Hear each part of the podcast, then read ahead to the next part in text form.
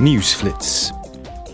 Het Europees Parlement heeft plannen goedgekeurd om meer wapens te produceren en meer munitie te leveren aan Oekraïne.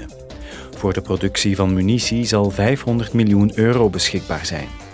Het doel is om het huidige tekort aan defensieproducten in Europa aan te pakken.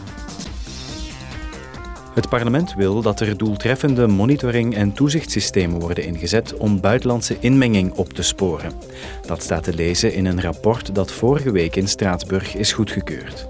Volgens de parlementsleden zijn pogingen om de democratie te beïnvloeden een wijdverbreid fenomeen dat bestreden moet worden. Ze wijzen erop dat de regels rond integriteit en transparantie van het parlement nog te veel achterpoortjes bevatten.